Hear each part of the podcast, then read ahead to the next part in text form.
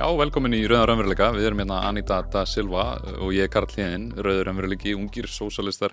Eh, við ætlum að fjalla eins um sósalisma í dag. Mm -hmm. Það er uppaukstur í sósalisma. Nú var að koma ný könnun. Uh, sósalistar er að mælast með 10% í borginni. Þetta, þetta er stóra frettir, stóra fregnir, en það hafa þau staðið sér alveg frábærlega. Og við telum því gott tilhefni til að fara eins í grunninn af því hvað sósalismi er. Mm -hmm. Uh, þetta er náttúrulega gamalt uh, fyrirbæri sem var til stuttu eftir frönsku byltinguna mm -hmm. snýrist alltaf um uh, jöfnuð, frelsi mannhelgi, mannúð mannúð, já, mannúð. og við sjáum hérna eina gamla mynd frá held að þetta sé frá 19. öldinni sem er nú ekki, ekki atna, lengu eftir frönsku byltinguna að þetta er þetta, það sem þeir kalla kapitalíska stigveldið, að fá myndina aftur upp og það, það eru vinnandi stjættinar sem eru þarna neðist í þessu stigveldi kapitalismans mm -hmm. og ofan á þeim er, er ákveðna millistjættir að fólk sem er með hærri laun eða meiri eigur ykkur að luta vegna. Svo farðu herin og smá erfiðleikar að fá myndin aftur upp en hún fer að koma. Svo farðu herin yfir það og, og þarna, prestana sem ætti kannski líta á sem fjölmiðlana núna í dag sem er þarna, we fool you. Já þú veist, uh, svo, svo eru pólitíkusarnir eða, eða konungarnir eða aristokrætar sem hefur verið áður að þeir stjórna mhm. beint, mm -hmm. uh, eru með völdin sjálf en kapitalism. kapitalismin er yfir þessu öllu og þetta er þetta skipulag sem við lifum ennþá við í dag og við sjáum hérna að þorri fólks er náttúrulega neðist í þessu stígveldi þið sem eruð uh, að hlusta en er ekki að sjá myndina sem við uh, erum að sína ég vona að þetta bara að skiljist en þarna í neðstu stjettina það er fólk að rýsa upp það er að fara út úr stigveldinu mm -hmm. stendur fyrir utan horfir á struktúrin og, og rýfur upp uh, rauðan fána Já. og reynir að fá fólk til þess að aðtuga hvað er nú eiginlega í gangi hérna og þurfu ekki eitthvað eitthvað að endur skoða þetta að því að hvað er það sem að sem að réttlætir þennan struktúr og sósalistar hafa alltaf viljað meina að það er, það er ekkert sem réttlætir þennan struktúr. Það, mm. bara er, það bara er ekki neitt. Þessi ójöfnur þarf ekki að vera til staðar. Alls ekki, allar þess að alls nektir. Við tölum, um, tölum alltaf um Ísland sem alls nekta land og, mm -hmm. en hvernig getur við sagt að það er, að, það er svona rosalega stjætaskiping sem að annar borð fólk vil neyta líka fyrir mm -hmm. að sé á Íslandi. Við vill ekki horfast í það og núna eins og er að koma frá öllna, borginni að þú ert með 16% batna í fjörðabæk sem að fá ekki að borða sko, mm -hmm. fá ekki nú að borða með alla þessa peningar sem eru hérna til staðar ja. og þetta var náttúrulega raunin einmitt líka á í innbyltingin var nýlega búin að eiga sér stað franska byltingin hafi leitt í gegn smá breytingar á, á stjórnkjörunu og pólitíkinni að fólk, allavega þeir karlmenn sem Já. kannski áttu smá eignir að þeir, þeir gáttu kos, kosið sér einn stjórnmálamenn mm -hmm. og mhm. svona kosið einn ríkistjórnina og þessi líðréttindi þau, vikuða eins út mm -hmm. en samt var raunin alltaf svo að þú fóst bara inn í verksmiðuna og þar varst þú látin sérstaklega í byrjun, byrjun kapitalismans látin vinna bara 16 tíma dag ef að, ef að kapitalistin vildi það ef hann neyttið til þess mm -hmm. og þá var náttúrulega ekkert frelsi í þessu ef að þú þyr, þurftir að vinna til að sjá fyrir þér og þínum og skilirinn voru bara sett fram af kapitalistunum þannig að þú sem kallmaður eða löggildur já, borgari já. að þú gast kannski kosið eitthvað en þú gast aldrei kosin eitt sem var eitthvað að fara að breyta þessu Nei.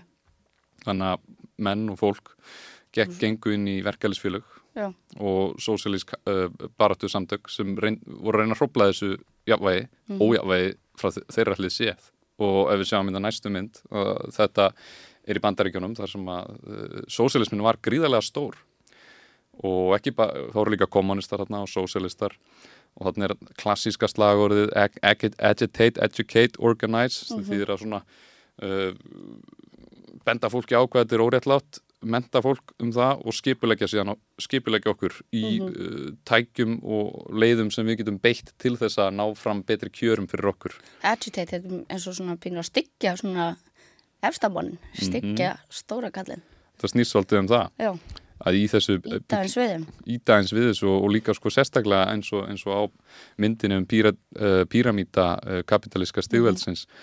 að þar er fólk að standa fyrir utan uh, þetta er góða klassísk mynd að því að þau eru að segja þau eru að reyna að benda fólki á óreitlætið mm -hmm. að því að þetta reynir uh, reyna efristjættinar að segja okkur að, að svona verði þetta að vera að þetta sé besta kerfið þannig að stort verkefni í sósalista hefur alltaf verið að, að reyna að benda fólki á og það er annar heimur mögulegur, þetta þarf ekki að, að vera svona og ekki bara mögulegur heldur annar heimur á leiðin en sínist mér sko mm -hmm. svona með að við allavega almenningur augljósla vill breytingar, við sjáum það bara eins og fylgjið sósalista og sanna vinsalasti, lang, lang vinsalasti bólgafylgdrúin sem er alltaf bara mhm. frábært mm -hmm. að það sé ekki einhver frá bláa hernum.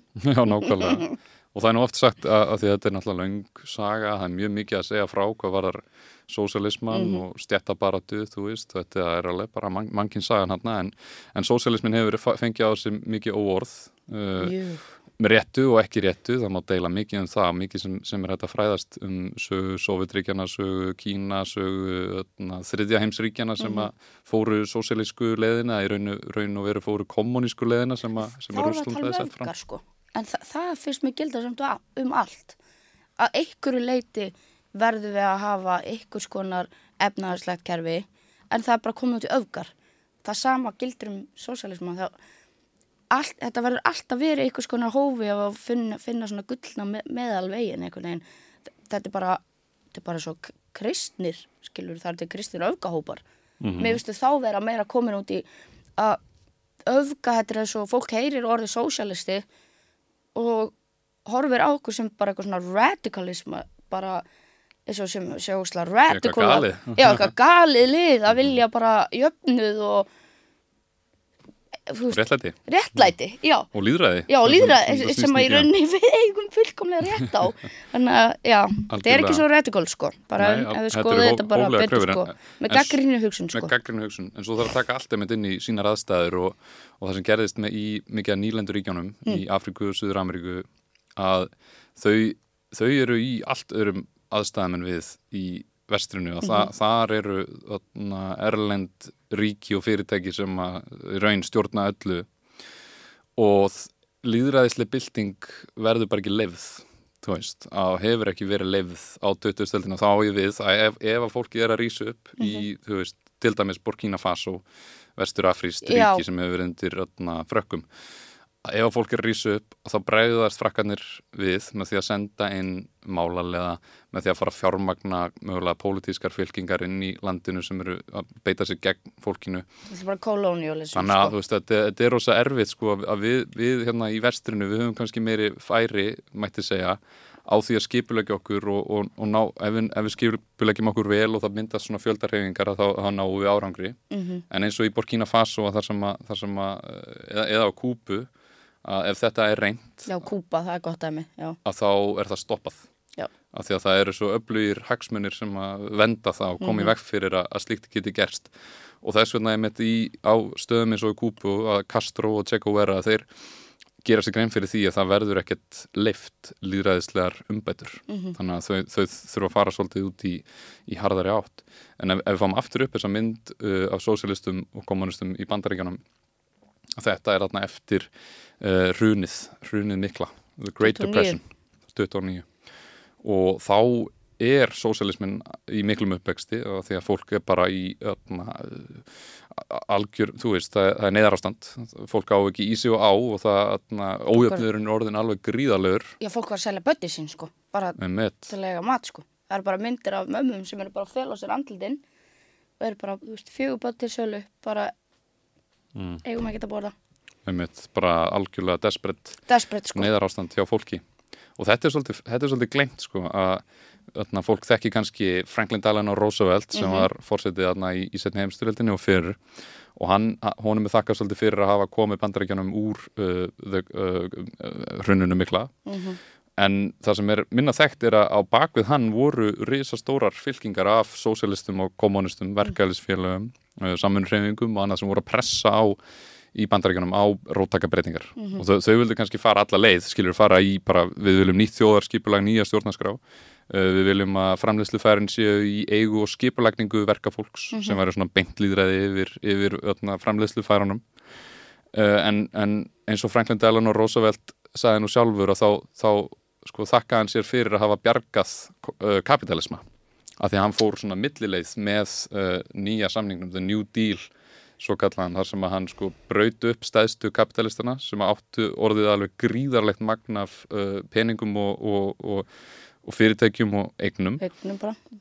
Og breytti skattkerfunu þannig að það var gríðarlega miklu, miklu meira tekið af þeim allra ríkustu svo það var hægt að fjármagna svona grunn þjónustu sem fólk nöðsynlega þurfti Svo hér er þið þá útsvar að þeir myndu borga fjármang sig þeir sem eiga, eiga svona ofbóðslan penningin og við höfum talað með þetta um áður að þú getur bara verið með 100 miljónir einn á banka og jú, jú, borga skatta en ekkert útsvar til sveitafélaga. Hvað, Já, va- hvað var ekki þarna 60-70% sem hann setti á? Hann fór alltaf leiðið með, minnir að fyrst sko hann farið upp í 80%, 80, já, sem er náttúrulega gríðarlega mikið með við það sem er í dag. Og efst, efstu tekjustíðin voru, voru skattlöð 80% já. Þau voru ennþá rík En þrátt það fyrir þessa miklu fundur ekki fyrir því. Nei, einmitt. Og en svo, svo þegar heimstyrjöldin brestur á og þá, þá hækkar þetta ennþá meira. Og þá er náttúrulega samfélagið í, í algjör neðarastandi og þarf uh, alla peningar sem það getur mögulega fengið. Og svo er þetta ekki lækkað að neinu viti fyrir en það kemur að Ronald Reagan. Mhm. en, en punkturinn með þessu er sko að hvað er sósialismi að uh, sósialismi snýst um það að uh, fólk, almenningur njóti góðs af vinnu sinni að þau hafi stjórn yfir uh, sínu eigin lífi og í samfélagi, samt sem aður bara. sameinlega stjórn með, með fyrirtækjum og framleiðslu færum og, en þetta hefur, þetta hefur gerst nokkuð ofta að það eru rótækari fylkingar á, á bakvið hreyf, hreyfingar. Mhm. og, og það næra ykkur ákveðinu nýju jafnvægi og það svona kemur á ákveðnum frið í þessum stjætta átökum sem, a, sem að eru til staðar eins og þessi píramíti sínir Mhm. uh, en auðvitað hver, hver hatar sósialisma mest.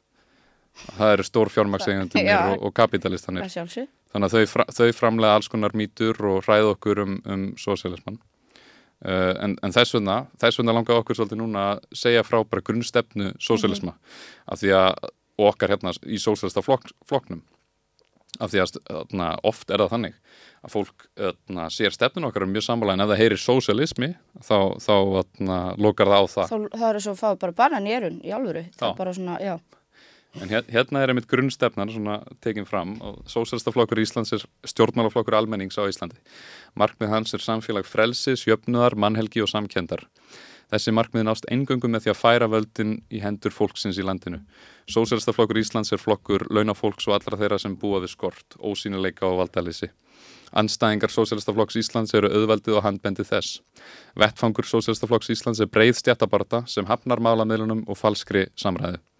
Í starfi sínu leggur Sósélstaflokkur Íslands áherslu á það sem saminar fólkið í landinu, óréttlætið sem það mætir og viljan til að losna undan því. Öllum landsmunum er velkomið að ganga til liðs fyrir flokkin og að kynu uppruna trú eða kynneigð. Sólsælstaflokkur Íslands vill að framþróun samfélagsins stýrist af hagsmunum almennings. Þess vegna þarf almenningur að ná völdum, ekki aðeins yfir opinbjörnum stopnunum, heldur einnig nærum hverju sínu. Vinnustæðurinn, verkefliðsfélagið, skólinn, hverfið, sveitafélagið, þorpið, öll þessi svið eiga að vera undir valdreiðri stjórn þar sem hagsmunir fólksins eru í fyrirrumi. Og þetta þarna, ef, ef þú fer nú langt með þetta líðræðisvæða allar þessar stopnanir og það, það er á meðalegmið fyrirtækin, að þá, þá ert þú að yfirgefa kapitalisma. Ef, þú- ef þú gengur lengra með þetta, að líðræðisvæða, uh, arðurinn geti, það er að útfæra þetta líka margan átt. Mjög marga.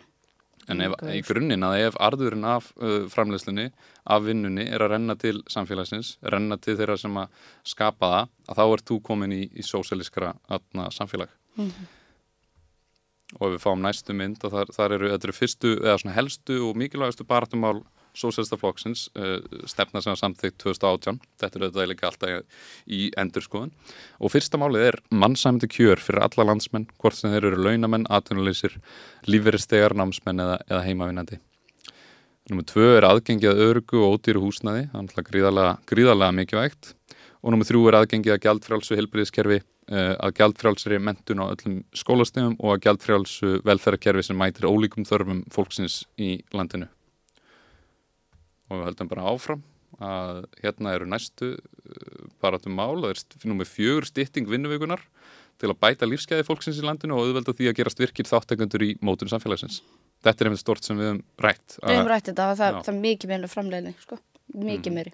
Mm En við erum öll alltaf föst í vinnunni að því að við þurfum að borga svo háalegu eða borga svo háar afborganir og það er dýrt að bara að komast af. Og þá náttúrulega höfum við ekki mikið svigurum til þess að taka þátt í mótun samfélagsins sem, Nei, að, sem er oft líka fjölskyldan sem er oft líka börnin. Mm það gleymist oft að börnin eru þriðja framtíðin sko. já, þrjá, já, líka bara börnin er framtíðin. Líka, Mhm. ég held sko það verður ekkert að segja að þú sett fastur í vinnunni í 12 tíma eða fjóra tíma. Þú getur alveg komið fram náð fram nákvæmlega sumu verkum að klára sumu verk á fjórum tímum og þessum 12 tímum. Það er að líklega að fara að draga lappina bara og bara svona lalala vallaðir komin bara. yfir, yfir 6-7 tímana eða hva, hvaða nú er einmitt já. við höfum bara ekki aðtikli í rauninni bara í meira Mm og eigum heldur ekki að þurfa þess Einmitt, og þetta er eflaust svolítið mismunandi eftir, eftir störfum og svona en, en þær rannsóndir sem hafa verið gerðar eru bara mjög jákvæðar, þetta lítur vel út Mhm. að ef að fólk vinnur meir, minna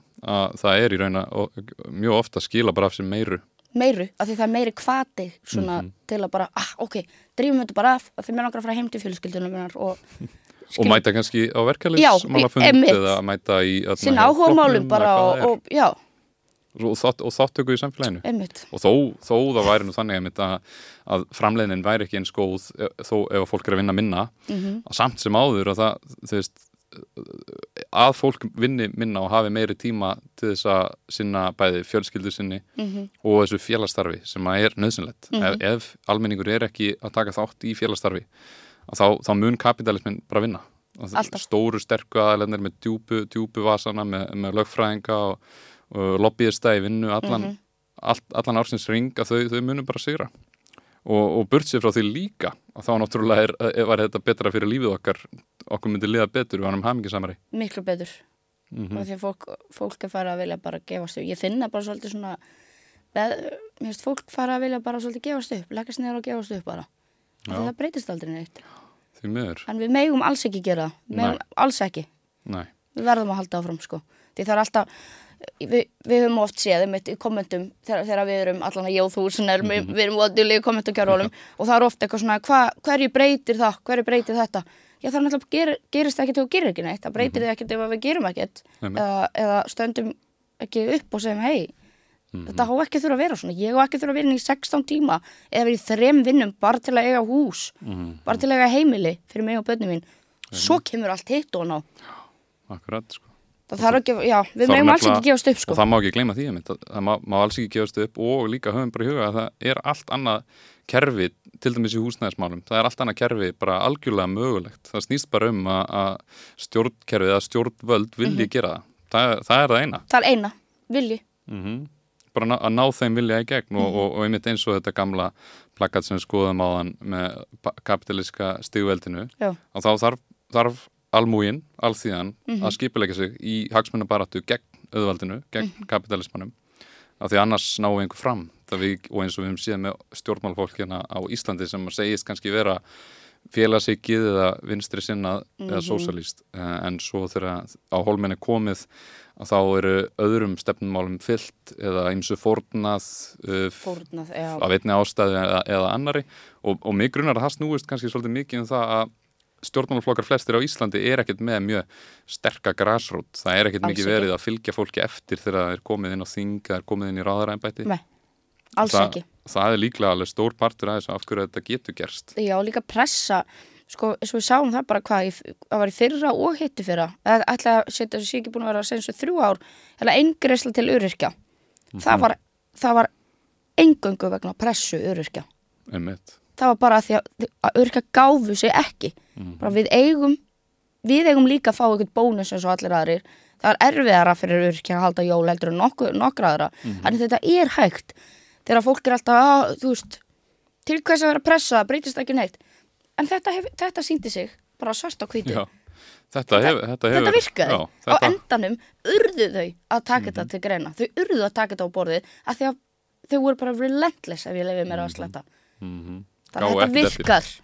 halda upp í pressunni Já, Og- í og- pressunni. og, og, og svona höfum við náð árangri Já. í kapitalisma því að höfum einmitt í huga þegar kapitalismin er að fæðast í sinni mynd með innbyltingunni á, á svona uh, á 19, 18. 19. öld Mm. og þá, þá er það einmitt bara þannig að þú, þú veist, uh, kapitalismin er með, kapitalistinn, atvinnureikandinn eigandinn, hann, hann er bara með öll, allan ákvöruna rétt þú Mhm. veist, hann segir bara við þig, skilur, þú, þú vinnur henni 16 tíma or else, þú veist, eða, eða ég hendi þér út eitthvað svoleiðis, en það er ekki fyrir nefnd að fólk fer að skipilegja sig í verkefælisfélögum og hann sko nota samtakamáttin að segja mm -hmm. nei, við ætlum ekki að taka þessu lengur og ef þú uh, verður ekki við kröfum okkar um bætt kjör uh, eða bætt uh, starfsumkörju þá munum við bara ekkert vinna fyrir þig Já, þetta er eins og alltaf að tala um Gen Z og svo latir, ég hefur ekki séð þessu mm -hmm. umræðu ég, ég vil meina þessu sé ekkert lögt ég held að þessu er bara búin að fatta eitthvað sem við hefum átt að fatta fyrir lungu Já. að við hefum ekkert verið að vinna fyrir bara 300 kall á tíman eða eitthvað skiluru og bara sætt okkur við þetta. Mm -hmm. ég held að þau séu bara fann að hætta að sætta sig við. Þetta er ekki spurning um leti þetta er bara, ég get ekki lifað á þessu. Af hverju á ég vera að vinna fyrir þig? Mm -hmm. af hverju á ég að vera, vera hér í tíu tíma á dag? Og ég fæ ég get rétt svo borða fyrir þetta. Valla. Heimitt og svo sumir einmitt sósíalískir hugsiðir hafa talað um að, að, að sósíalismin snýst um það að ná bestu sko mögulegu eða næsta skrefi í svona framleiðslu og samfélagi mannkinsins mm. að, að sko með sósialisma munum við leysa úr læðingi þarna okkar hæðstu svona möguleika að við verðum betri sko, að hagkerfið verður -hmm. upplöður á betra því ímdaðir ef þú ert til dæmis í fyrirtæki sem er sósialískara en kannski beint svona kapitalist fyrirtæki þar sem -hmm. að þú sem starfsmæður mögulega færð, þú veist, artgreðslu mm -hmm. þú færð part af arðinum á hverju ári og það bara allana eins, eins og það eru ímis fyrirtæki sem, a, sem að gera þetta að þau, þau borga út helmingina arðinum til starfsmanna og hinn helmingin til hlutafana, til kapitalistina fjármaks eigandana þá myndir maður ekki leggja eins meira á sig ef maður, maður veit að maður, við vinnum hart, þú veist, við vinnum vel stöndum okkur vel, þá fæ ég alveg restoran bónus já, í lokárs Já, þeim er ekki alveg sama um mig og vinnuna, hérna, þeir, mér, ég er ekki svona rosalega svona replaceable bara mm. eins og færiband að vinna. Af því þannig er þetta eiginlega í dag þetta er bara, ó, nefnir ekki að vinna þennan ekkert mál, herru, kamst að vakt skilur, mm. þetta er bara okkur er bara skipta út bara eins og það sé bara ekkert mál. Eins og við séum tannhjól. Eins og við séum tannhjól, já, þetta er bara þetta er orðið ansi ídlaspil, tannhjól. Segðu, akkurat þetta er einmitt það sem Mark skrifaði svolítið mikið um sko, maður, maður, er, maður er svona uh, alienated eða svona, ég, ég veit ekki alveg hvernig maður myndi þýða það á íslensku en þú, þú er svona útskúfaður frá sagt, uh, tengslum við sko, það sem þú ert að gera og fólkið og af, mm -hmm. afurð þess sem þú ert að gera að, það er allt annað, ef þú partur af teimi og þú ert jafn, uh, meðlemur í því teimi í, því, mm -hmm. uh, í þeirri stopnun sem, sem þú ert í Partur á árangrunum bara Já, og Basically. deilir í árangrunum að hann, hann dreifist á millallara allara sko. mm -hmm. og fáum aftur upp sem mynd þarna um þessi fyrstu baratumál sósælstaflokksins sem voru búin til 2018 það var þarna síðasta uh, uh, endur uppbygging skattheimtunar með það fyrir augum að auðstjættin greiði eðlilegan skerf til samleyslunar en álögum sér lett af öðrum mm -hmm. og þetta er mjög mikilvægt að, að, og eins og við höfum skoðað hér áður að þá hefur sér hvernig skattbyrðin er búin að þróast á undanföldum áratöðum að þá hefur henni verið veld yfir á almenning yfir á alþýðuna á, á vinnandi fólk að fátakasta fólki sko. Já, þau eru, og skattbyrjun þýðar að þau, þau eru að bera hlutastlega meira af öfna, tekjum ríkisjóðs mm -hmm. en það hefur snarleikað á þau allra ríkustu, ríkustu. Það leikar mikið á þau ríkustu en svo þau eru komin í sko 0,01% þú veist, Já. þar er það að leika langt mest mikið kannski inn í því vegna þess eru stórútgerðin og svona þau, þau vega mjög mikið þarna sko það er náttúrulega bara efni heilan þátt sko mm -hmm. að við séum að fá hvað 10% eða eitthvað af fisknum, arðfisk sem komi hingað inn versus í Nóri er það held í 80% 20 mm -hmm. fyrir til stóra gerð, getið ímyndað ykkur hvað við værum Rík. í topp málum Já. í topp málum við erum að, ég held að mest, það mesta sem við fáum í sjóðun er átífa ferr mm. Vínbúðin Galið, við fáum meira Vínbúðin. úr Ríkisjóður fær meira úr sko á, álagningu á áfengi og tópak en, en úr öllna veðigjöldunum sem er aðal auðlindun okkar mm -hmm. ætti að vera það ætti að vera það, já, nei já. það er vínið vínið, vínið og hérna nýttum púlanir þetta skýtur mjög skökku við en þetta er einmitt eitthvað sem hefur kerfið sem hefur verið hannað og viðhaldið af öllna kapitalistum á mhm. Íslandi mm. sem að sem að vilja halda þessu svona mm -hmm. og hafa, hafa vísvitandi verið að, að beita sér fyrir því en svo, en svo er fleira náttúrulega við erum með, við erum með orkuna sem Já. er gríðarlega mikil á Íslandi og ódýr á Íslandi og þess vegna vilja þessi álverk koma enga og svo, svo erum við orðin túrista atna, hvað maður að segja vætt bara alveg í gegn sko. eftir sótt alveg gríðarlega mikið sko. en svo að því að einmitt fólk telur ofta sósialismin sé sko andlýræðislegur það gæti Uh, ekki verið rangara. það nefnilega er svolítið þannig sko að sósialismin snýst um það að skipulegja sig að skipulegja fólkið saman að þau nái uh, valdi yfir sínu eigin lífi yfir framleiðslu færanum Mhm. og þetta fengum við Sovjetríkin og við fengum Kína sem fylgdi svolítið aðrari annari uppskrift en þar er mér þarf að hafa í huga heimsvaldastefnuna Mhm. þá þarf að hafa í huga þróun, þróun heimsins að kapitalíska vestrið er langt á undan sko í þarna, tæk- tækniframförum og, og í innbyltingunni Mhm. og, og út frá því kemur þessi heim, heimsvaldastefna þar sem að þessi vestrannu ríki fara og taka yfir þjóðir og, og þá var náttúrulega breska heimsveldið var risavaksið risavaksið, Portugalanir líka Já. Hollendinganir á undan þeim. Skammastu já, já, ég skammast mín sko. Þarna, þannig að það er allt aðrar aðstæður af því að sko ef þú hefur reynt í þeim löndum að, og þau reynd, reyndu það sko eins og í Rúslandi, þú veist að þar, þú veist, var, varstu með sar, bara svona keisara sem að, sem að reði yfir öllu. Og, og ef, ef þú reyndir að, að skipulegja þig líðræðislega þá, þá var það bara barið niður já, þú veist, er bara hverfa eitthvað já. Þannig að þá, þá kemur þetta marxist-leniníska kerfi sko, Lenin skrifar, skrifar um það að þú, að, þú að, sósialistar verði að taka yfir ríkið til þess að sko halda aftur af eigna stjættinni en svo heyrir, já, svo heyrir fólk nafnið Lenin og er bara eitthvað hvað minn góður, brjálaður innræðsarra það er mjög saman ósangjant með Gaddafi. Saman með Gaddafi já, sem að þetta er ekki fullkomni menn og það má algjörlega alls gaggrina ekki, að, það má gaggrina ímislegt sem er gerðu en, en fólki var hamingjusamana sko. fólk var actually hamingjusamt til dæmis með Gaddafi sko.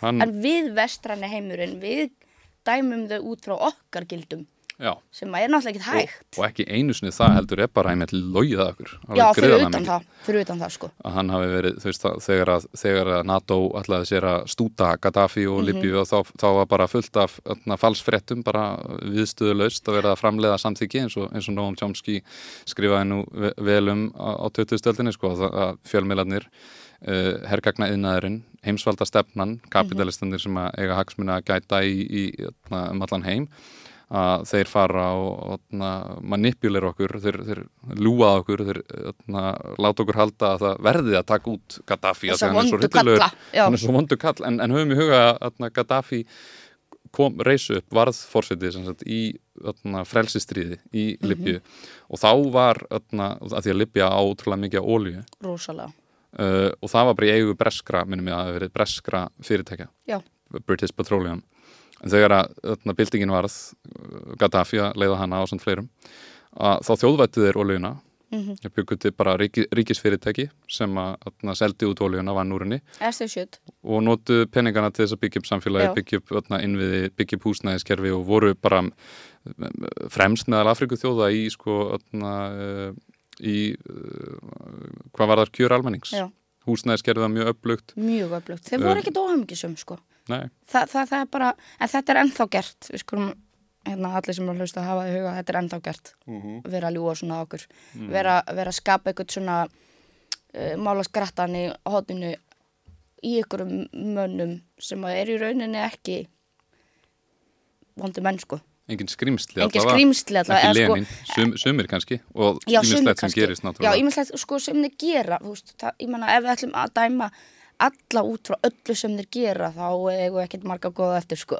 Það er engin fullkomin er einmitt ekki og, fullkomin sko. Og sagan er svolítið messi sko. Já, en, En- hún þarf að vera messi til, a, Mhm. til að berjast fyrir sínu sko en áhugavert með einmitt Sovjetríkin og, og Rússland sko, að, að fyrir byltinguna þá hefði verið að þróast svolítið einmitt sósialismin Mhm. Sósialism, sósialismin var náttúrulega til áður en að Sovjetríkin voru og að því að þar var það bara verkælisbaratan, stjættabaratan mm. samvinnurhæfingar og svona og þú varst komið með það sem kallaðist Sovjets í, í Rúslandi Mhm. og, og það voru bara svona verkamanna ráð verkafólks ráð að þau, þau voru með eitthvað tiltegna framleiðslu og verkafólki hittist og skipulaði sér saman um hvað ætti að framleiða, hvað að selja og, svona, og, þau, voru farin og þetta var bara eitthvað sem hefði orðið til úr öðna, verkafólks að fyrir uh, að þau fá að stjórna sínu vinnustöðum og hafa eitthvað að segja um sitt líf. Og, en, en svo já, við skulum kannski gera bara annan þátt einhvern tíma um atna, en, en já, þannig að þetta byrjaði þannig að þetta var uh, algjörlega valdefling, líð, uh, líðræðisvæðing vinnustæðana, verkafólki að taka uh, völdin, verkafólki að taka völdin beint í beinu líðræði og það er sem við stættum að líka, við viljum, við viljum að fólk stjórni sínum vinnustöðum miklu meira, stjórni sínum hverfum, að stjórni sínum verkefælisfélagum og þess vegna erum við með hérna stefnu sósjálstaflokksins í líðræði mhm, og þar tökum við fyrst fram, ef við fáum upp myndina hérna, að jöfnur sé hortsteinn líðræðis. Af því að ef þú með gríðarlegan ójöfnuð, þá getur þú alltaf haft líðræði. eiginlega ekki sko Þar, þar sem einhverju nokkri aðilar eins og það var í bandaríkjanum í öfna, runinu mikla, að þar ertu með bara örfá uh, miljardamæringar sem að eiga gríðarlegt magna peningum og þeir kaupa stjórnmálamennina, þeir kaupa fjölmiðlana og allt svona sko. það er ekkert líðræði það, Nei, það er ekki líðræði. definition af líðræði er að við, við fáum að ráða. Mm við almenningur þar að segja sko. Mm Og nummið tvö hjá okkur er að réttlætt kostningakerfið verið tryggt með jöfnuvægi atkvæða óháð búsetu. Þetta er þarna heita mál hefur lengi verið að að atkvæða á landi gilda uh, meira. Margt sem þarf að skoða þar auðvitað og, og það þarf náttúrulega að virkja líka líðræði þarna, í hverju einasta, uh, hverju einasta svæði fyrir sig. já. þetta hef ég aldrei skilið til dæmis Mm -hmm. Af Það vegi meira já, það vegi meira, já. Það, stund, þetta er gert aðal rökin eru þau að, að ef það væri ekki þannig að þá, þá myndi etna, væri ekki hugað nógu mikið að hagsmunum landsbyðarinnar af því að við erum fleiri, það eru fleiri í etna, Reykjavík. Uh, en á þessum minni og minni svæðum þú veist að, að, þess vegna þarf þetta að vera svona. Mm. og það er, það er ákveðin punktur sko. Ákveðin Eh, punktur, já, en, en En, en er ekki ykkur önnur leið einmitt, hugsa maður sér og, og við hérna hugsa um það, er ekki önnur leið til þess að ná fram þessu að hagsmunum fólksins sé borgið og að það sé hugsað út í þá hagsmunni auðvitað. Og það er, það er auðvitað með meiri valdeflingu be, beitna líðræði. Uh, Númer þrjú hjá okkur er að niðurstöður þjóðarækvað séu ávalt virtar annað en gerðist með nýju stjórnarskrana uh, þjóðarækvað hana varð 11 ára núna síðastliðin föstudag og við fáum næstu mynd, næstu 11 Það er komin 11 ár síðan að þjóðin samþitti uh, til lögur stjórnlega ráðs að nýri stjórnarskrá. og ég man eftir eins og í gær Mm Þa, það var sko þau unnu hörðum höndum að því að hann háþrýsti dæla veggin Já. maður Já, eftir því jú. Hafró Og það, það er bara ennþá í gangi. Maður sér mjög oft þarna ykkur sem er að setja niður hver nýja stjórnarskráin á, á okkur gangstötu eitthvað staðar og, og daginn eftir er búið að spúla það í burt. Sko. það verður bara að vera viðgangandi. En það er einmitt í stefninu okkar hérna að ný stjórnarskrá takja gildi þið fyrsta. Mm. -hmm. Númer 5 að líðræðismál sé að hluti mikið veit. Og ekki nóg gert finnst mér að, kenna um líðræðið og kenna um verkefælisbaratu og annað. Nei, við kennum, við, náttúrulega lærum línudans og, og dönsku og blokkflötu og svona að Já, ekki að það sé ekki mikið veit, en línudans eða svona listir Já, og jú, men- listir, menning, jú, algjörlega sko. en, en kannski ekki fram yfir Já, það er sósan kannski Kjötið er, er líðræðið Já, já, algjörlega. Uh, Númer 6 að aðgengi almennings áræðanlegum og réttum upplýsingum verið tryggt. Og, þetta þarf að gerast náttúrulega í gegnum öfluga og sterka atna, fjölmiðla. Mhm. uh, Fám næstu mynd. Að númer 7 að líðræðisvæða verkefælisfélög og lífverðisjóði Þetta er náttúrulega galið eins og ég veit ekki hvort fólk veit sem er vita náttúrulega en, en, með lífverðisjóðana í dag að þeim sko í raun þá er þeim stjórnað af atvinnureikundum Mhm. þegar, þegar þetta eru okkar sjóðir sem við erum að, að greiða inn í en verkefælisreifingin einhvern veginn eða fórusta hennar á, á sínum tíma bara gaf það eftir að, að, að fyrirtækja eigendur fengju að hafa svolítið ráðandi uh, stjórn inn í lífriðsjónum á mót og það var vegna þess raugrætt þannig að að atvinnreikundur ætlaði að borga svona meðframlag inn í lífriðsjóðana auka og þess vegna fá þeir eiginlega að ráða. En þetta er eitthvað sem þarf að snúa við og, og, og breyta sko af því að Sjálfsög, lífeyrissjóður eru alveg Já, það er líka efni að heilan þátt sko. heilan þátt algjörlega. Og eins með verkefælisfélögina þau sko núna á setni árum hafa ekkit verið mjög líðræðisleg bara þert á móti. Nú sjáum við eblingu voru í verkefælisfélögingunni sem, sem er tala um að, að þar er líðræðisvirkni alveg gríðarlega mikil Mhm. og bara hefur virkað gríðarlega vel fyrir þau að, uh, þau eru að fylgja svona sinni uh, ákveðinu hugmyndafræði og, og að draga inn fólk að, efla þáttöku, beina þáttöku og, og það er að skila sínu. Þau líka berjast og berjast. Berjast og berjast. Kæft og klóm sko. og standa saman. Já, standa saman. og vera mörg. Og, þannig næst árangur. Og það, það er nú stundum sagt að það, það þarf ekki að finna upp hjólið. Nei, þetta eru aðferðir sem að hafa verið beitt áður og, og þarf bara í mörgum tilökum að, að taka þær upp aftur. Já, svo er þetta nummer 8, ekstra grundvöldur upplöra félaga í þá almannahagsmuna svo sem samtökum neytenda af hvaða tæði sem er verið tryggður. Og þannig erum við að tala um að, að, að ríkið og sveitafélög eigi að passa það að félög eins og, og leyendasamtök -hmm. eins og uh, neytendasamtökin og, og, og slík séu, séu starfræk og tryggt að þau séu í gangi. Það, þannig uh, tryggjum við þessa hagsmunni að nátt, þetta er nú með nýju hjá okkur að náttúruauðlindir verði ávalt í eigu þjóðarinnar þetta er nú í, í nýju stjórnarskráni þar er öðna, það skilgreint að náttúruauðlindir séu í eigu þjóðarinnar. Og það var svolítið fyndið að hann Bjarni Ben fór, kom einhvern tíman í Kastljós nokkrum árum eftir að stjórnarskránin átti að hafa verið komin í gegn og sagði að hann litist nú ekkit á þetta því að þetta væri svo sósilíst ákvæði.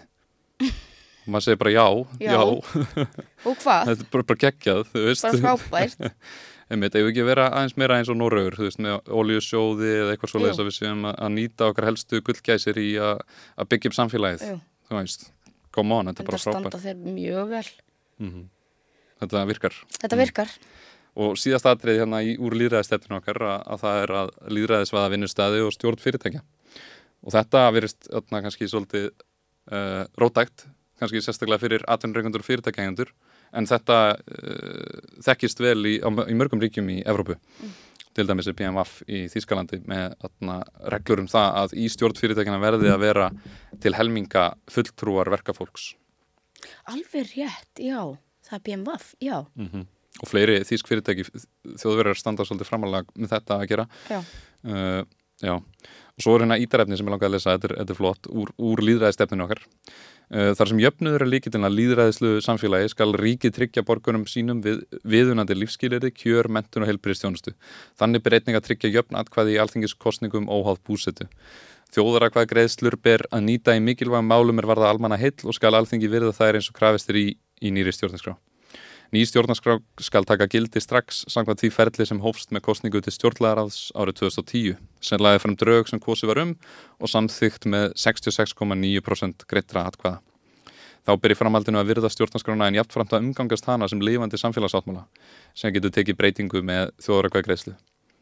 Og, og þetta þannig er við, nú, já, á fæstu daginn 11 ár síðan að þjóðin samþykti þessa tilögur en margir hafa síðan verið að gaggrina stjórnarskrána og verið ósámála ímsu í stjórnarskráni sem er alveg öllna gott og gilt, þú veist, að vera ósámála einhverjum efnislega matri. Við erum líka ósámála helling í, í nú en þetta er stjórnarskráni. Já, mm -hmm. en einmitt bara þessi prinsip að það er þjóðrækvæðgreisla og það ber að virða hana, mm -hmm. þingið á að virða hana sama hvað hverjum finnst sko. Mm -hmm. af því að þarna ertu bara með grundvöldin að líðræðinu og ef þessu er ekki fyllt, hvað er við þá? Þá erum við þá eru ekki líðræði, heldur auðræði sem plutocracy á ennsku auðræði. Þetta var bara eitthvað gethótt ákvörðum? Þetta var kæft. Þetta var bara kæft, já. Já, það, finn, það finnst manni. Katrín Jagstóttur og Vinstri Græn ætluði nú að taka upp tilur og, og reyndu nokkur sinnum svona að koma einhverjum tilugum fram en það alltaf strandaði á hinnu og þessu stundum voru teknað fram teknilegar úrlösnir og útskýringar sko að, þjóðorika greiðslan hafi ekki farið löglega fram Já, sko, en, en það, það var bara bull það var bara bull sko þau, veitnuði í að kjörkassanir hefði ekki verið nógu sko leinilegir þar sem fólk lappaði inn að því að það vantaði einhverja sentimetra upp á kassan sko, það væri kannski ykkur sem geti komið og reynda að skoða honni í kassan Akkur er þetta ekki ráðrænt?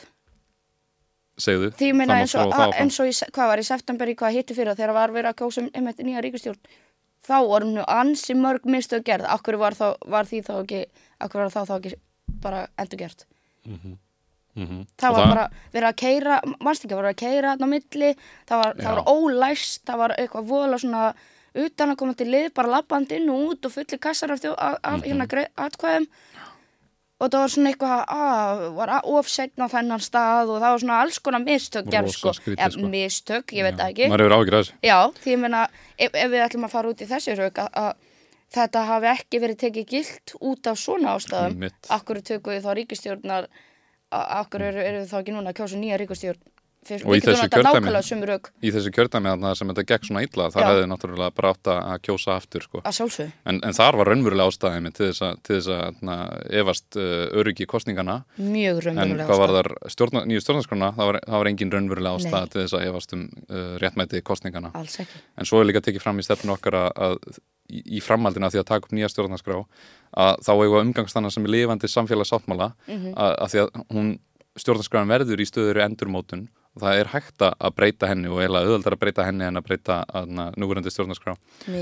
Og hún er með ákvaði sem að gera þjóðurakvað greiðslur mun öðna, uh, það er auðvöldar að knýja fram þjóðurakvað greiðslu í einstökum málum til dæmis ef að, ef að ákveði hlutfalla þjóðinni skrifur undir undirskriftalista þá fer það bara sjálfkrafa í þjóðurakvað greiðslur Það á að vera, það sko held að samkvæmt einhverju lögum þá eigi að vera svo leið sko Já, það? Já.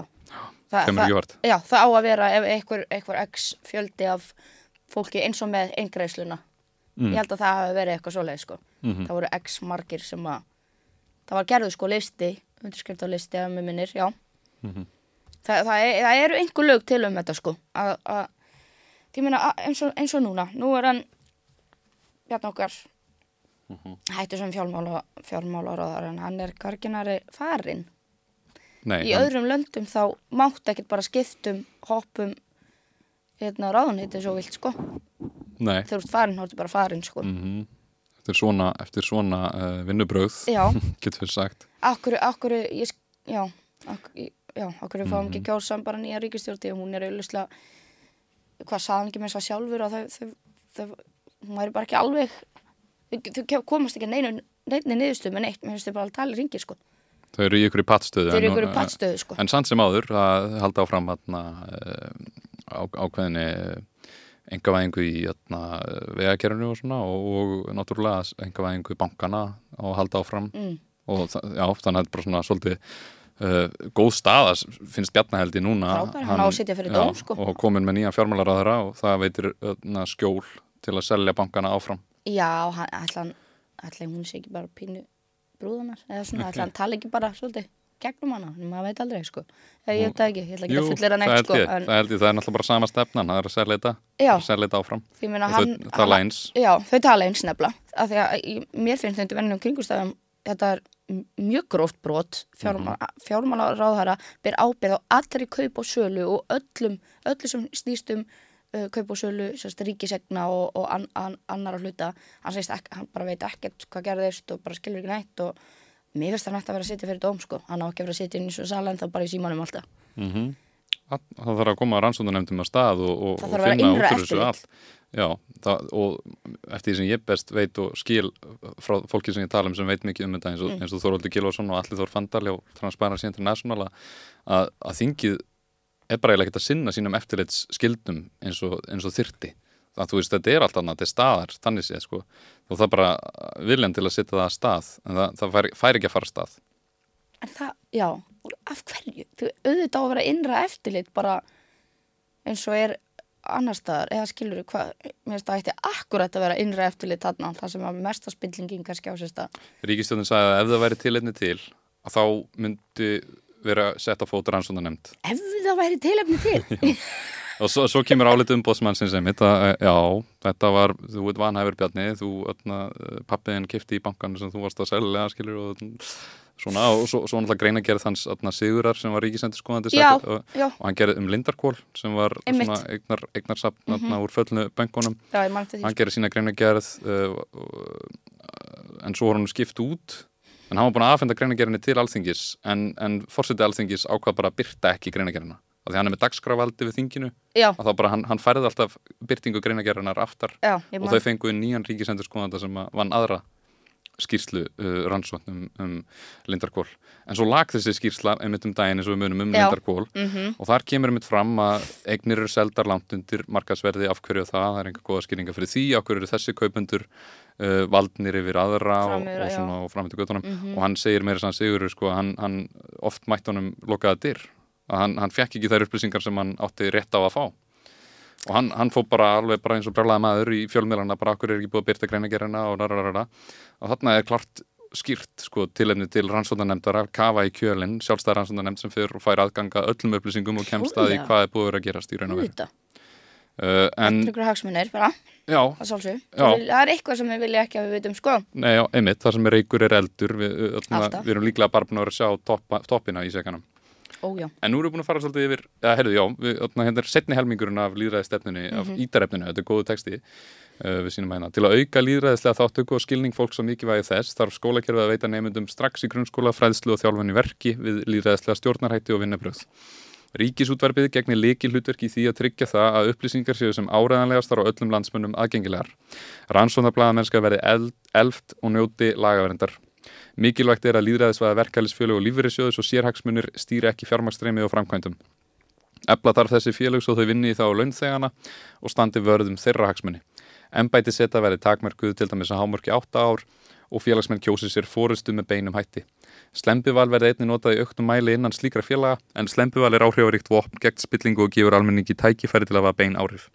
Með því að tryggja ekstra grundvöld félaga sem vinnaði almanna hagsmunum svo sem félag neytenda, félag leyenda, örkjabandalags og fleiri aðela má epla jöfnuð og líðræði og stuðlaði samfélagi sem stiður við almanna hagsmunni, fremur en sér hagsmunni. Mm -hmm. Það er gríðarlegt hagsmun að mála að almenningur eigið sér talsmenn á sem flestum sviðum sem við kemur lífi og líðhelsu. Arður af öðlindum renni til sameilegra sjóða allra landsmanna. Rettur komandi kynsluða til öðlindana verði tryggður. 100%. Og eitt í þessu sko er að, að, að tekja fram hérna að það ætti að vera ennbættis uh, takmarkanir á ennbættis setu að fólk geti ekki setið hérna, endalust í ákveðnum ennbættum. Að félagsmenn sé að kjósa sér fóristum með beinum hætti. Að, þarna er svolítið vera að í að kerfi, líðræðislegu kerfi sem er virkara en, en það sem við höfum núna Já. að, það, veist, að við séum ekki sko að velja okkur fóristu og svo förum við bara heim og setjum í sofanum. Það gengur ekki upp. Það gengur ekki Það, sko. það, að það er, það er ekki að virka að það sem þarf að gerast er að, er að við séum með meiri græsrúta virkni í, í stjórnmálflokkunum, í verkefælssegingunum og, og í þessum hagsmunarsamtökum. Mér finnst líka mikilvægt að séum ekki alltaf að sjá sumu andlitin að sumu andlitin er með sumu orðræðu sko. Mm -hmm. Skilur það verður að vera eitthvað fest Endur nýjun. Endur nýjun. Svona að þetta sé lifandi. Já, þetta sé lifandi að sé einmitt og þú getur ekki setið í einhver ákveðna ennbætti bara Mhm. 16 ár bara. Og að, ennbætismenn sé ekki sko svona, uh, hvað maður að segja, svona uh, ómissanleir, þú veist, að, að það sé hægt að skipta þeim bara út, að, að því að græsótin er svo sterk, virknin er mikil í, í, í fílæinu, í líðræðinu, Mhm. í líðræðiskerfinu og þess vegna er einmitt svo mikið pressa hjá í stefnum sósélista að, að þetta sko, skólakerfið sé að veita menn einmittum strax uh, í grunnskóla fræðslu og þjálfun, Mhm. þjálfun í því að taka þátt í svona líðræðislegum stjórnarháttum. Mikilvægt. og það, það er ekki nóg mikið gert þó það sé nú eitthvað en, en það þarf að stórefla það en til að halda fram í þáttinu við erum búin að vera að tala lengi þetta er náttúrulega stórt mál, Mhm. sósialismin og mikið, að- mikið að tala, en þá langaði mig að atna okkur að sína smá uh, þær tillögur sem að sósialistar í borginni hafa verið að leggja fram hvernig það rýma svolítið við uh, rýma við stefnun okkar og sína svolítið kapitalisman, sína stjættaskiptinguna að hérna var tröstið að skrifa um að hann laði fram tillögu þess efnis að, og þau, þau löðu fram tillögu um það að fastendaskattar og atvinnuhúsnæði hækki í sama hlutfallið þeir voru í áður en borgarstjórn lækkaði þá í miðjum kom um sko 0,05%. Já, til hann var að hækka uh, fastendaskatt á atvinnuhúsnæði um 0,05% það var lækkað í miðjum COVID. Trösti skrifar að vegna þeirrar ákvörunar hefur borgin orðið af 1,4 miljardi króna sem nýta hefði mátt í grunntjónustuna eða til að bæta fjárastöður ekki aukur. Á sama tíma sjáum við niðurskurðið á leikskólum og félagsmiðstöðum sem bitna á börnum. Eftir að sósialistar hefðu fært tilhugina framreis Oddviti Framssonar Einar Þorstinsson upp og greip til varna. Hann laðist alfærið gegn tilhuginni, taldi hann að vera ofrótaka og sagði að sósialistar vera að beita sér fyrir stór eldri skattahækun. En hafa byrja hugaði til umræði var tillaga um 0,05% hækkun Sko mér að leiðréttingu. mm á fyrirvenandi skattahækkun. ekki beita hækkun í raun, eða skilur, jú, jú, ef ég sér þetta er þetta hækkun en þetta er samt leiðrétting sko og það var einmitt sett, sett út á það við tókum þátt um þetta sko það var einmitt sett út á það hérna, af hverju, af hverju vilja sósjál, þú eru að sósjálistra ekki bara vera hreinskilinir og nota þetta orða hækkun Já, það var mjög skrítið. já, mjög skrítið, já, það var mjög skrítið sko Segið bara, þið vilja hækka segið skatta. bara, já, segið bara það satt Og svo eins og trösti nefnir hérna þá hérna, er, segja þeir að þetta séu gigantískar skattahækkanir en, en fara síðan sjálfur sko að hækka ofnböru gjaldskrána um 3,5%. Einmitt. Það er engin svaka hækkun samkvæmt þeim, þú veist. Og þannig að þarna sjáum við aftur að þetta er skattbyrðin. Skattbyrðin er að þeir auka skattana á milli og láta ekki fólk á al, almenning, alþýðina, Mhm. vinnandi fólk en þeir vilja lækka það á fyrirtækjagendur og fjármarsegjendur. já, því það ver, það verður að vera sko verður að vera hagstætt fyrir, fyrir fyrirtæki til að til að blómstra Já, borgin það er forgangsatriði eða hjá, sko, hjá já. auðvaldsflokkanum, hjá Já. stjórnmálamönnum sem, að- sem að þjónusta bara auðvaldinu. Já, einar alveg tönslaðist á þessu sko. Já, hann, hann er að gera sér uh, ímynd út á það og við sjáum næstu mynd hérna frá Sönnu Magdalenu að hún skrifaði hérna 16 bróst reykvískura barna í fjórðabekk fara að svönga sofa því það er ekki til matur heima 739 manneskjur býða eftir félagslegu leiguhúsnaði hjá borginni býða eftir því að komast í öryggar skjól frá okkur leigumarkaðinum En fleiri býða eftir örugu húsnæði sem hendar þeirra þörfum sé leitið til allra byggðlista borgarinnar eftir húsnæði. 196 barnafjölskyldur í borginni býða eftir félagslegu leiguhúsnæði á meðan þau greiða allt og hátt leiguverð eða búa inni á öðrum og þurfa að neyta sér um aðra grunn, aðrar grunnþarfir. Hlutverk borgarinnar er að veita íbúum Reykjavíkur góða þjónustu með sem hagkvæmustum hætti og leggja grunnað auknum lífsskeiðum borgara borgarbúa til lengri og skemmri tíma. Í kjölfar áhrifa krónrunu veru faraldrisins á samfélagið gripu borgari yfir til ímis aðgera sem voru kynntar og þannig fer hún yfir þessar skattalækanir uh, nei, ska, jú, skattalækanir á fastendaskatta á atvinnuhúsnæði og tekur fram að, að tekjur borgarinnar árið 2021 lækkuðum 470 miljónir vegna þessara skattalækuna. Það er svakalegu penningu sko. Og sérstaklega maður hugsa síðan út í allt, allan niðurskurðin sem þeir reyðust í sko, þar var tín, allt tínt til, allt tínt til, þú veist, að þó það væri sko 12 miljónir sem fóru í einhverja uh, félags, félagstjónustu fyrir Frí. frístundaheimili. Já, það var, það var sko 15 myndur, já, það var loka 15 myndur fyrir ein, einu sinni viku eða eitthvað. Til að spara einhverja litlar einhverja... 12 miljónir. og svo næsta farþeg, hérna er uh, dæmið um tilhugust og sósélistæði borgarstjórnum um beintlið ræða, þau, þau tala fyrir því að farþegar uh, sitji í stjórnstrætó, mm -hmm. ekki bara einhverjus pólitískir skipaðir aðelar og, og hagsmunnaðelar mikið sem eru, sem eru eins og forstjóri strætó virist vera sko á móti almenningssamgöngum í almanna eigu og rekstri. Og mótar eru ekki eins og strætó.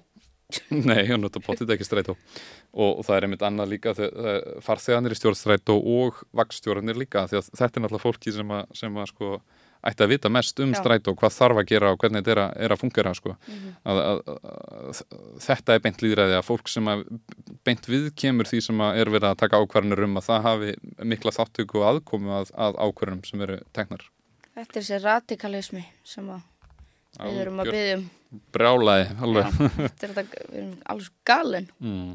Nei, það er einmitt punkturinn að einmitt, þetta er ekkert galið. Þetta er ekkert galið. Og ofta er það þannig að, að okkur, við hefum verið spurð þú veist að okkur, okkur heitið ekki bara félagsíkjuflokkurinn eða eitthvað? Sósælismi, þetta, þetta fælir svo mikið fólk frá. En, en við erum bara tilbúin í þannig slag að mm -hmm. sósælismi er þetta, það er beint líðræði, það er samnýting, það er að hugsa um samfélagið, mannúð. Mm -hmm. og, og við hefum okkur sangvann því og við sjáum hérna aðra tilögu frá sósialistum að, hérna aftur kapitalismin uh, sósialistar vildu stöðva hækkun og leiðu uh, félagsbústaða. Já, alveg rétt. En þetta fór, þetta fór ekki í gegn heldur var erlegan bara hækkuð. Í staðin fyrir einmitt að auka skattemtu á þau ríkari sem væri mm -hmm. hægt að gera en þau, vil, þau vilja ekki gera það. Þau vilja hækka á lögin á, á almenning. Og fólk þarf að flytja út mm -hmm. út úr félagsbústafum og fara bara í bílinn sinn sko og önnur til að hérna stopnun uh, á til að sem þið voru með og hafa lagt fram nokkru sinnum að það er að stopna byggingafélag uh, Reykjavíkur. Uh, bara félag sem er algjörlega óhagnaði drifið og í eigu rekstri borgarinnar sem, mm. sem ræðst, ræðst í húsnæðisauppbyggingu á félagslegum grundvelli. Þetta uh, borgarstjórn Dagur Bjækertsson þau, þau segja gerðan að þetta væri óæðilegt að Reykjavík væri með svona af því að það væri óæðileg afskipti á markaði veist, og þetta er þarna þessi nýfrælsegja skilur að, ofsa trú á markað á, á markaðsöflin að þau muni þarna, leysa og ef að, ef að ríkið er að, eða sveitafélög er, er að stíga inn í markaðin að það, það sé bara slæmt í sjálfu sér. En það er það sem ríkið og bor, borgin á að gera. Stíga inn í það sem hennar er þörf. Mm -hmm. Það er bara gríðarlega mikið og við sjáum einmitt eins og lífanlegustu borgir í Evrópu, samkvæmt mælingum er Vínaborg hún er með 60%, uh, 60 íbúðum í Vínaborg eru félagslega reknur þannig að hvort óhagnaða drifnar í óhagnaða drifnum mm.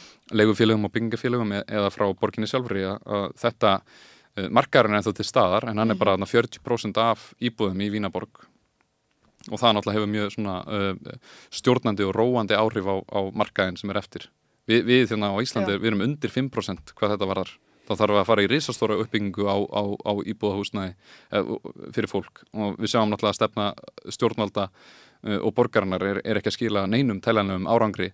Það, og, og nú í dag er að, er að hægjast á uh, húsnæðisuppbyggingu og leigu, stóru leigusalanir er að koma sér vel fyrir bara. Ó, að fara að krist okkur Listanir lengjast og lengjast og, mm -hmm. og hérna, já, það er, það er samt getur byggt endast á hótelum.